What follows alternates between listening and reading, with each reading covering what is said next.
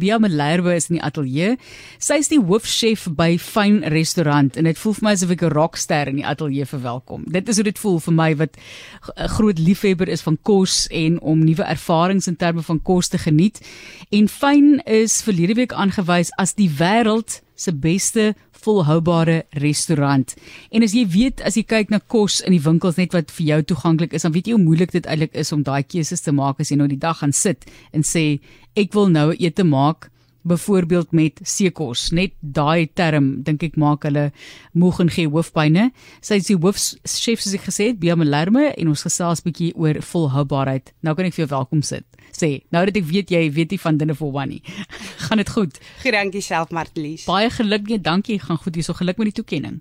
Baie dankie. Dis 'n groot eer en ons het dit glad nie verwag nie en ons is baie geseënd. Hoe het julle uitgevind? Hoe dit gewerk Ehm um, dit was ons die epos ontvang nadat ons uitgevind het ons is nommer 75 in die wêreld dat fyn 'n uh, verteenwoordiger nodig het by die nommer 1 tot 50.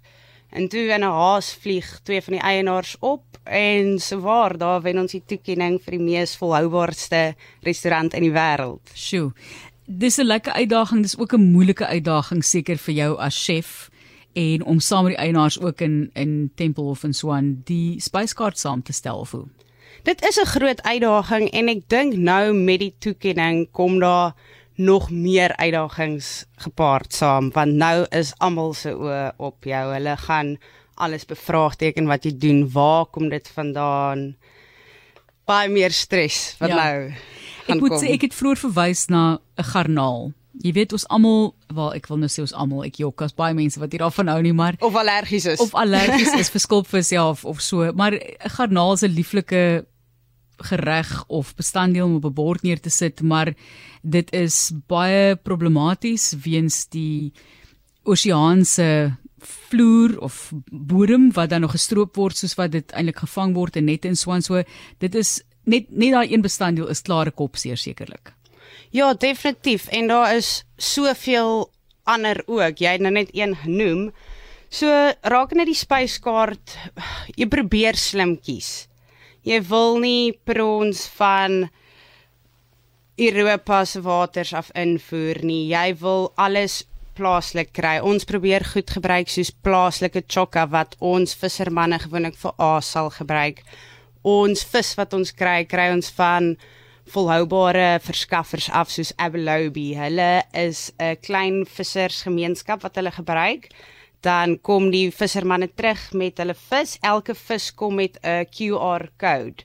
So jy kan in die restaurant sit en dit scan deur jou foon en sien waar was die vis gevang. Dit was sienema deur Pietie gevang 2 dae terug net die kus van die kus af van Lambert's Bay of so. Ja. Dit gaan oor volhoubaarheid is belangrik oor elke liewe vlak. Ehm um, groot visserskepe gaan net uit en hulle stroop die oseaan soos jy sê, ehm um, baie byvangs, goed wat hulle nie wil hê nie, wat hulle nie kan verkoop nie en dit gaan net dood en hulle gooi dit net weg. Ja. Terloops, daar's 'n dokumentêr wat ek 'n paar jaar terug gedoen het oor Abelobi, oor daai hele proses en met van die vissers gesels ook. Jy, as jy wil weet hoe dit werk, is regtig baie interessant en dis mense wat regtig 'n verskil probeer maak ja. en ook vir die vissers direk toegang gee tot befondsing. Daar is nie nog 'n middelman wat ja. nog hulle deel vat nie. Ja. Dit is dis 'n baie wonderlike inisiatief. Ek moet nou erken, ek het al geëet by Fyn. Um, ons het onsself bederf vir besluit dit was 'n hardwerkende jaar gewees en besluit om daar te gaan bespreek. Dit was my droom vir jare gewees om daar te gaan eet en uiteindelik gegaan na Covid toe nou ook rustiger geraak het in Swan en dit is net regtig ongelooflik wat julle ek gaan nou die woord ongelooflik gebruik ongelooflik wat julle doen met kos. So ek gaan nou 'n voorstel maak vir wat ek dink julle daarmee wou doen en dan moet jy vir sê wat reg is. Foie gras natuurlik is in elke toprestaurant ja. in die wêreld. Dit is nou hierdie lieflike eendlewer patee, maar dit is problematies want hulle sê die eende word geforseer om te veel te eet. Dit word in hulle kele afgestop sodat hulle lewer lekker vet raak. Dis nou die Reg. baie vinnige verduideliking van wat foie gras is. Dit word gesien as 'n groot kulinaire bestanddeel veral vir Franse tipe van kos, né? Julle het 'n gereg daar, julle het 'n ding daar gedoen met sampioene. Wat amper soos 'n crème brûlée is met ag met met sampioen. Uh, die sampioen brûlée. Brûlée. Ons broodgereg. Dit voel vir my asof jy op 'n manier foie gras amper daar vervang het. Ek is dalk nou nie wat jy bedoel het nie, maar gee vir ons die idee van die slim maniere wat jy daai tipe van probleme omseil want dit dit is sekerlik een van die lekkerste goed wat ek in my lewe nog geëet het. Ek het nie geweet mense kan dit met 'n sampie. Baie dankie Martiens. Wel, ons probeer. Ek ons is nie um, 100% perfek nie. Uh, ons is almal dis 'n dis 'n proses wat nou die gang is om te sny waar ons kan ons kyk waar is ons probleemareas. Maar ons kyk wat kan ons doen in SA met wat ons het wat so min as moontlik die planeet en die mense en die toekoms gaan benadeel om nog steeds vir die die gaste wat kom eet 'n topklas ervaring te gee om hulle te laat voel asof hulle foie gras in Frankryk eet. So ons probeer kreatief wees, ons probeer die goed wat as nie nie as reg gesien word volgens die wêreld nie soos ons sê foie gras ja. en veal sulke goed probeer mens heeltemal vermy. Goed, so waar is jy baie trots in terme van volhoubaarheid in die restaurant? Wel ek trots dat fyn nie tekening gewen het. en is daar 'n sekere gereg wat jy dan nou byvoorbeeld op 'n ander manier moes benader wat moeilik was, maar wat dit nog steeds lekker maak vir die persoon wat daar eet?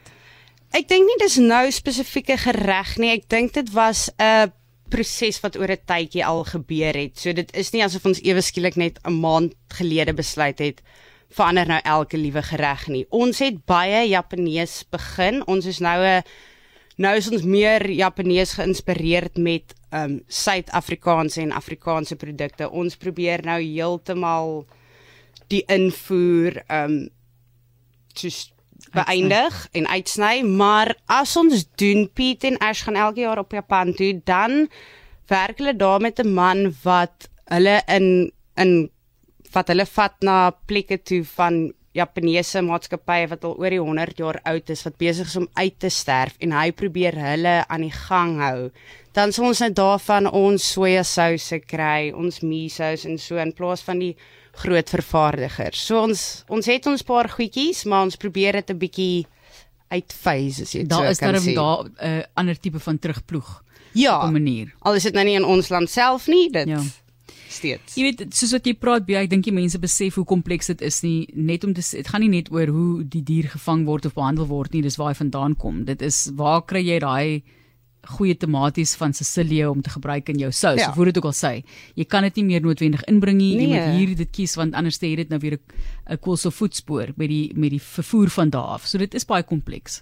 Ja, so nou nou ehm um, bou ons verhoudings met verskaffers in die omgewing al vir 'n paar jaar. Ons kyk wat hulle etos is, pas dit by fynse verskaffer beleid in? Is dit iets waarmee ons wil voortgaan? Sit hulle terug in die land in? Doen hulle dinge volhoubaar en dan doen ons goed van ons kant af ook volhoubaar want 'n restaurant kan dit nie alleen doen nie. Dis 'n hele is 'n netwerk. Dis 'n ja. ketting vloei. Ek dink laas het julle wagyu gehad en julle het ook dink ek springbok gehad ja. op die spyskaart.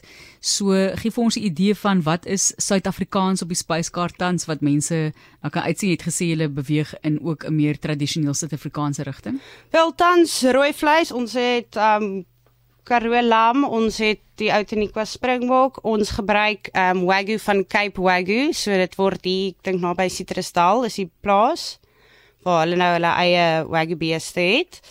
Dan ja, vis, ehm um, bream, geelster, tuna, alles wat volhoubaar gevang was van die kus af.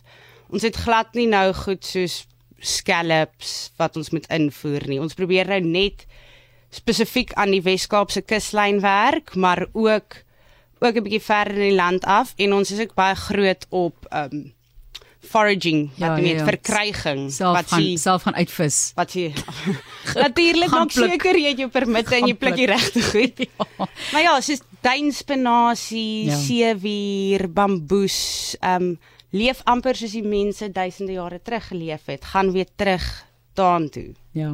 Is Bia Malherbe as die hoofchef by Fyn Restaurant en hulle is onlangs aangewys as verlede week om meer spesifiek te wees as die wêreld se beste volhoubare restaurant en moeilik om daai fyn lyn te loop tussen volhoubaar en 'n lekker ervaring vir die persoon wat daar kom eet en om 'n fyn restaurant te wees en in die top 100 van die wêreld. Bia sê vir jou baie dankie voordat ek jou groet wat lief vir julle voor.